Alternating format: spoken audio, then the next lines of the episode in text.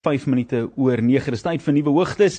En van waar af jy ook al ingeskakel is of dit nou aanlyn is en of dit nou is op radio is wil ek vir jou sê goeienaand en baie welkom jy is op die beste plek waar jy kan wees daar's 'n geleentheid vir jou en my om stil te raak rondom die woord van God te weet dat God 'n plan het met ons lewens 'n plan met jou lewe En ek sê dit altyd, as jy wakker geword het vir oggend, dan is dit 'n getuienis dat God nie klaar is met jou nie.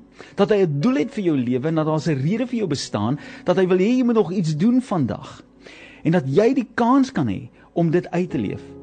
Dit offer hy vir my en vir jou en as jy dit sal vat met beide hande, dan wil ek jou waarborg, sal hy iets ongeloofliks in jou en deur jou kom doen. Nou nuwe hoogtes gaan alles oor om my geloof te vat na daai volgende level. Daai volgende level van vertroue, daai volgende level van van afhanklikheid van God. Daai volgende level van vryheid. Daai volgende level wat God my kan gebruik op 'n bonatuurlike manier soos nog nooit tevore nie. Nou vanaand wil ek met jou gesels uit 'n gedeelte in Romeine. Nou hierdie gedeelte is 'n gedeelte wat al soveel keer oor gepreek is en ons ken hom so goed en ons ons het hom gebruik in die kerkwêreld vir so lank as daai een vers om vir mense te vertel dat dat weet jy wat, jy het God nodig. Jy het hom so desperaat nodig dat jy niks in jou lewe kan doen sonder God nie. En alhoewel dit die waarheid is en dit 'n kragtige waarheid is en dat ons dit moet besef in ons lewe en ons moet bewus wees van hoe nodig ons God het in ons lewens, is daar een gedeelte wat in hierdie hele vers staan wat my so half voel ek is verdoem en ek en ek het geen uitkoms nie en dat my lewe eintlik min werd is. Nou jy sal nooit dink dat die Bybel jou kan laat voel dat jy laer is soos soos 'n wurm, soos wat 'n worsie sou gesê het van die vetkoekpaleis nie. As hy iets verkeerd gedoen dan sê hy ek voel soos wurm. Jy weet, en die Bybel is nie veronderstel om jou so te laat voel nie en, en baie keer het ons as predikers wil ons by mense die punt huis toe dryf en dan gebruik ons 'n vers soos hierdie wat kragtig is en wat die waarheid is en wat wat lewe veronderstel is om te bring, maar dan maak hy seer. Nou die vers wat ek vir jou wil voorhou vanaand is 'n gedeelte in Romeine 3 vers 22 of vers 23. Kom ek stel dit so. Romeine 3 vers 23 sê die volgende. Ek gaan hom vir jou lees in die Engels, ek gaan vir jou sê wat hy sê in Afrikaans want ons ken hom so mooi in Afrikaans. Vers 23 sê vir ons for all have sinned and all fall short of the glory of God. Ja. Jy al daai vers gehoor? Het jy al daai versie gehoor in jou eie bediening of in jy al gehoor die predikant of die dominee of die of die evangelis of die apostel of wie ook al preek gebruik daai gedeelte wat sê ons almal het gesondig en ons almal val kort van die heerlikheid van God. Almal het verkeerd gedoen. Niemand is goed nie, niemand is is alright nie. Almal is in die moeilikheid en luister Boeta, as jy nie besef nie, hier sê die Bybel dit nou vir jou, almal het gesondig en almal val kort van die heerlikheid van God. Nou die probleem is met met verse wanneer ek nie die hele vers klaar lees nie of nie die hele sin klaar lees nie, is dan vergeet ek maar daar kan dalk meer wees. Dat die Bybel is geskryf oor 'n kwessie van honderde jare met een doel voor oë om my en jou te connect met God. Om die verhouding te herstel wat gebreek het met die sondeval met Adam en Eva. Die Bybel is gemaak, Jesus het gekom sodat die verhouding wat stikkend was weer heel kan word. En wanneer ek daai vers lees en ek hoor hom so en ek glo in daai vers, ek weet wat dit sê is die waarheid. Ek weet dat wat Paulus daar bedoel het toe hy dit geskryf het. Hoe weet ek dit want ek het die hele hoofstuk al gelees. Ek het dit al bestudeer, ek het al deur dit gegaan en dit is die waarheid. Almal het gesondig, almal val kort van die heerlikheid van God. Niemand is in 'n eie regte goed genoeg nie. Luister ons almal maak droog. Ek maak droog, jy maak droog en glo my, ek het al vandag so droog gemaak dat ek al moes bely het en uitgekniel het en al 3 keer kerk toe moes moes gegaan het, maar dank die Here dat daai vers nie die einde was van die storie nie. Dat dit nie die enigste storie is wat Paulus daar vertel nie. Jy sien en mense wil met mekaar stry en redekabel oor wat is die waarheid en wat is nie die waarheid nie en hoe gaan ek uh, hoe moet ek leef en wat is sonde en wat is nie sonde nie mag ek vir jou sê daar's so baie goeders in hierdie lewe wat as ek en jy wil gaan gaan soek vir foute gaan ons almal foute kry En tot vandag toe is daar nie 'n ding wat ek en jy kan doen om te maak dat ons goed genoeg is vir God nie. Hoor my mooi. Daar's niks wat ek en jy kan doen om ons goed genoeg te verklaar om voor God te kan staan nie. Daar is net nie. En as daar was, dan is daar 'n groot probleem, want dan beteken dit Jesus het gesterf vir niks en vir niemand nie. Want as ek myself kon gered het, dan het ek hierdie nut gehad van 'n redder nie. En dis die rede hoekom Paulus hierdie gedeelte so geskryf het en hoekom hy soveel klem lê daarop. Maar kan ek vir jou sê hoe begin Romeine 3? Luister hoe mooi hoe praat hy. Want hy begin in Romeine 3 sê hy in vers 1 dan sê hy God's faithfulness. God se getrouheid. Come on. Hy sê daar what advantage then is there in being a Jew? Or what value is there in my circumcision much in every way say Paulus first of all the Jew have been entrusted with every word of God What is for some were unfaithful. What if some were unfaithful? Will their unfaithfulness nullify God's faithfulness? Not at all. Let God be true and every human be a liar. It is written. And say, so that you may have been proved right when you speak and prevail when you judge.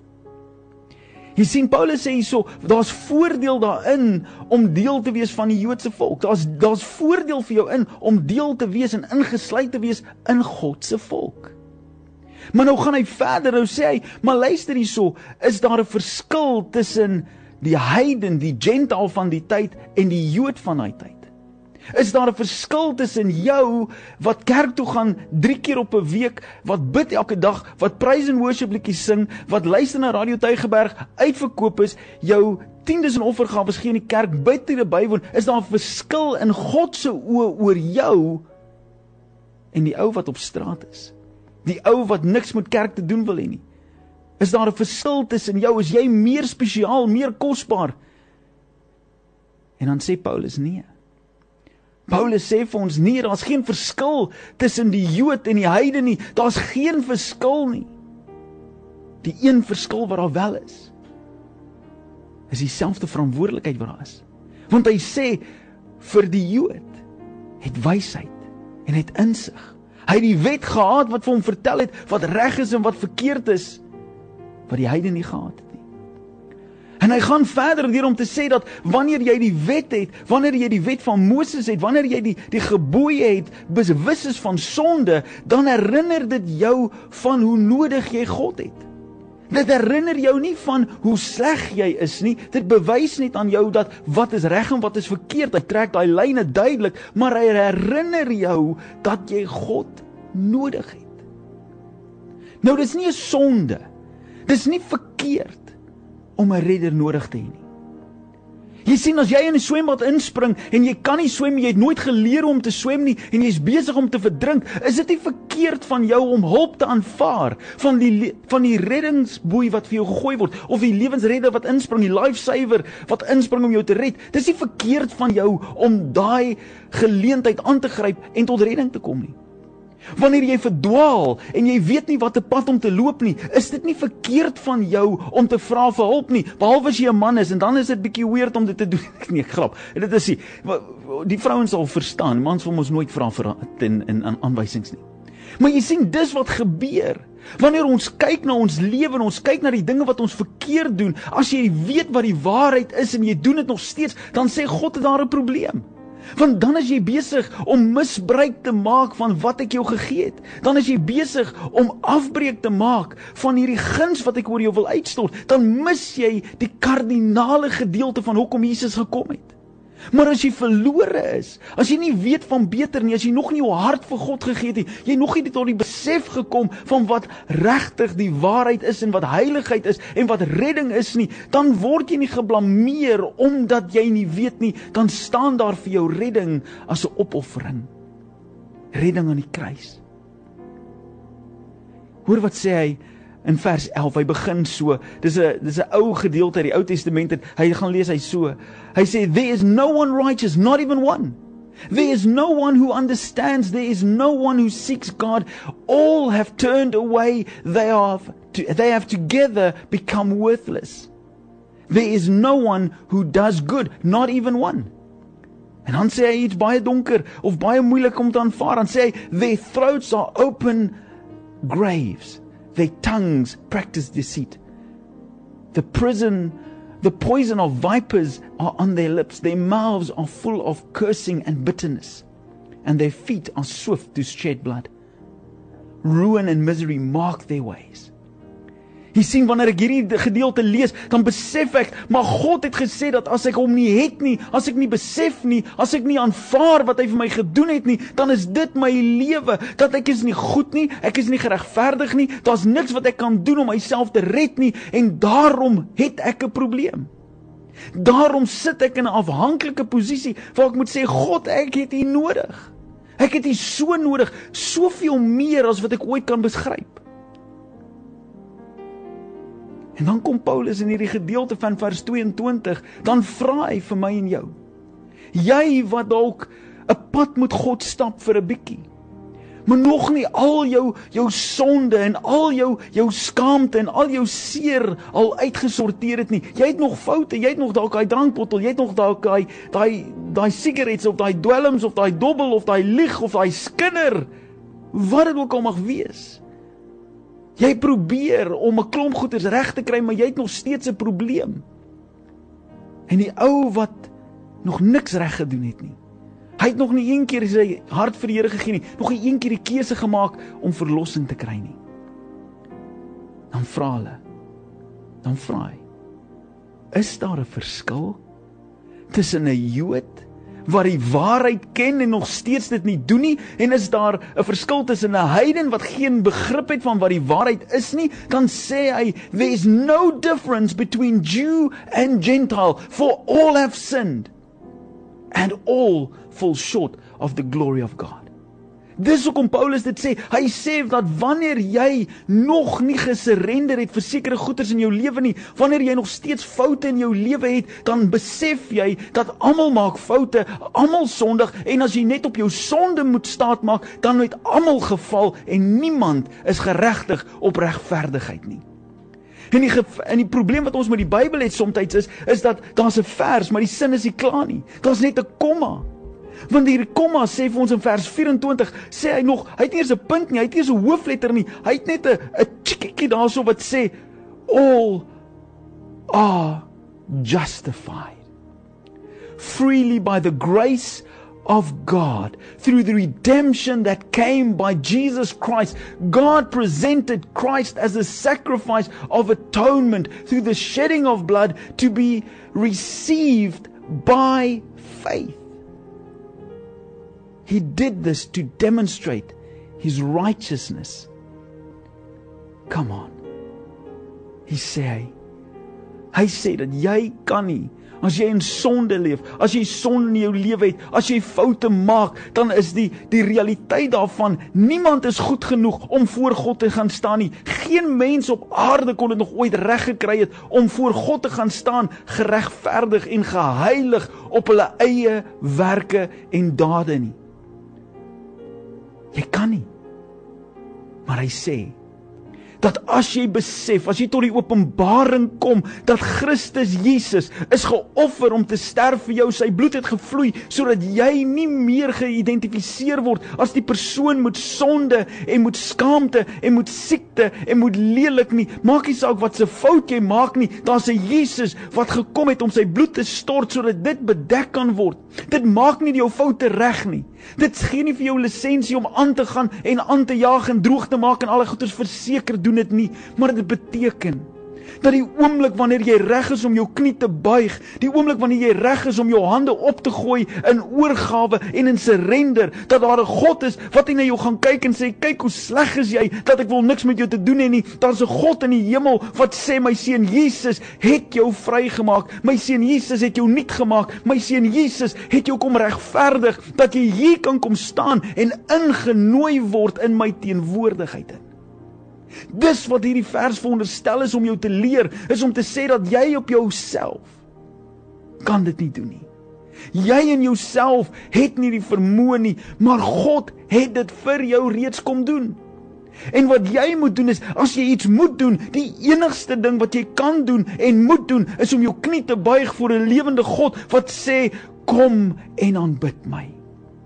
Besef wat ek vir jou gedoen het. Besef dit wat ek jou gegee het. Besef besef die geskenk wat ek voor jou kom neersit is 'n geskenk van ewige lewe. Jy sien vriend, dis dis moeilik om te be, om te vereenselwig met, maar ek kan dinge verkeerd doen en en God gaan nie kwaad wees nie en jy weet, Jesus het my reeds vrygemaak. Nee, dit is nie waaroor dit gaan nie. Dit gaan nie oor hoe baie goeders kan jy verkeerd doen voordat God jou nie meer sal vergewe nie. Dit gaan oor buig jou knie in aanbidding voor hom, maak jou saak met hom reg, vra vir hom vergifnis en sê vir hom Here, ek wil nie meer hierdie lewe leef nie, want hoekom sal ek my konstant in 'n plek wil sit waar ek verdrink? Jy weet dit is soos om aan te hou met sonde, om aan te hou met die verkeerde goeders wetende wat reg en wat verkeerd is is soos om iemand wat nie kan swem nie. Die voorbeeld wat ek net al gebruik het, is om elke liewe dag terug te spring in dieselfde swembad wat hy nie kan staan in nie en hy probeer elke dag verdrink. Nie omdat hy wil verdrink nie, hy dink hy kan self leer swem. As hy elke keer net tot op hy punt van verdrink kom, dan gaan hy eers leer swem. Jy gaan nie. Jy gaan nooit op die plek in jou lewe kom waar jy nie meer vir God nodig gaan hê nie. Dit sal nooit gebeur dat jy so goed raak in jou geloof met Jesus, met jou verhouding met God, dat jy die Bybel so goed kan lees en die Bybel so goed kan ontleed, elke vers in Grieks en Hebreëus en jy kan al hierdie goeters doen. Jy sal nooit op die plek kom wat daai gedeelte van Romeine 3 vers 22 nie meer van toepassing is op my en jou nie. Want ons sal altyd almal tot die besef moet kom dat ons almal het erns gesondig. En as gevolg van die sonde moes ons 'n prys betaal het en ek en jy kan nie daai prys betaal nie. Die enigste prys wat betaal kon word is die dood. Nou ek wil vir jou sê jy kan nie jammer sê nadat jy dood is, jy kan nie.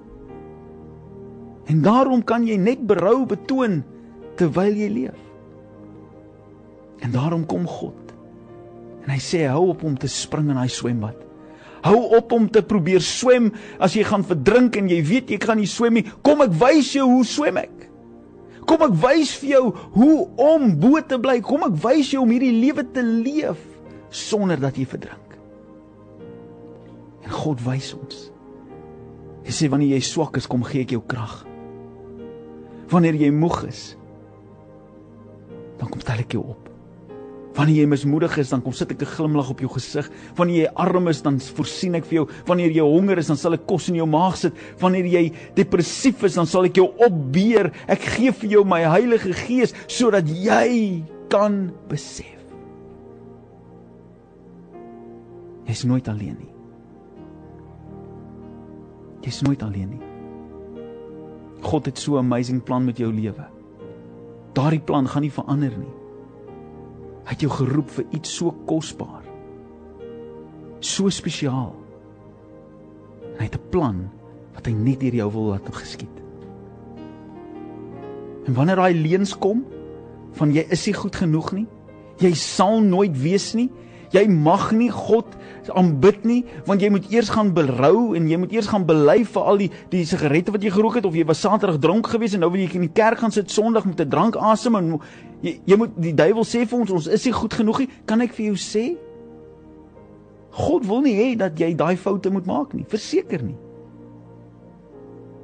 Hy wil hê jy moet hom beleef. Die goedheid en die guns wat hy vir jou het. Maar net omdat jy daai foute maak maak jy dat hy ooit sy genade deur oor jou sal toemaak nie. Inteendeel. As jy na hom toe kom met 'n ware erkenning en berou en jou knie gaan buig, dan maak hy soos wat hy doen in Lukas, die storie van die verlore seun. Hy slag die vetgemaakte kalf. Hy sit sit 'n mantel oor jou skouers. Hy sit voete aan skoene aan jou voete. Hy sit 'n ring aan jou vinger. En hy sê hierdie is my geliefde seun. Hy wat dood is, het weer lewendig geraak. Kom ons vier fees. Dit is vir my altyd so 'n amazing gedagte. Dat wanneer ek voel alle stemme om my sê vir my hoe sleg ek is en hoe ek niks bereid is of kan doen of kan bereik nie dat God kom en sê maar jy is myne. As dit net moes gegaan het oor jou, dan het almal geval. En almal het kort geval. Almal het kort geskiet. Niemand sou dit kon maak nie. Maar dank sê my genadegawe, my geskenk van nuwe lewe, die offer van Jesus aan die kruis.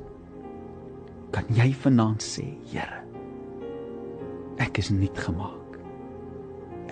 Is nuut gemaak. En wil jy dit nie vanaand? Miskien is dit nodig om dit op 'n WhatsApp te sit. Miskien is dit nodig om dit in die comments te sit.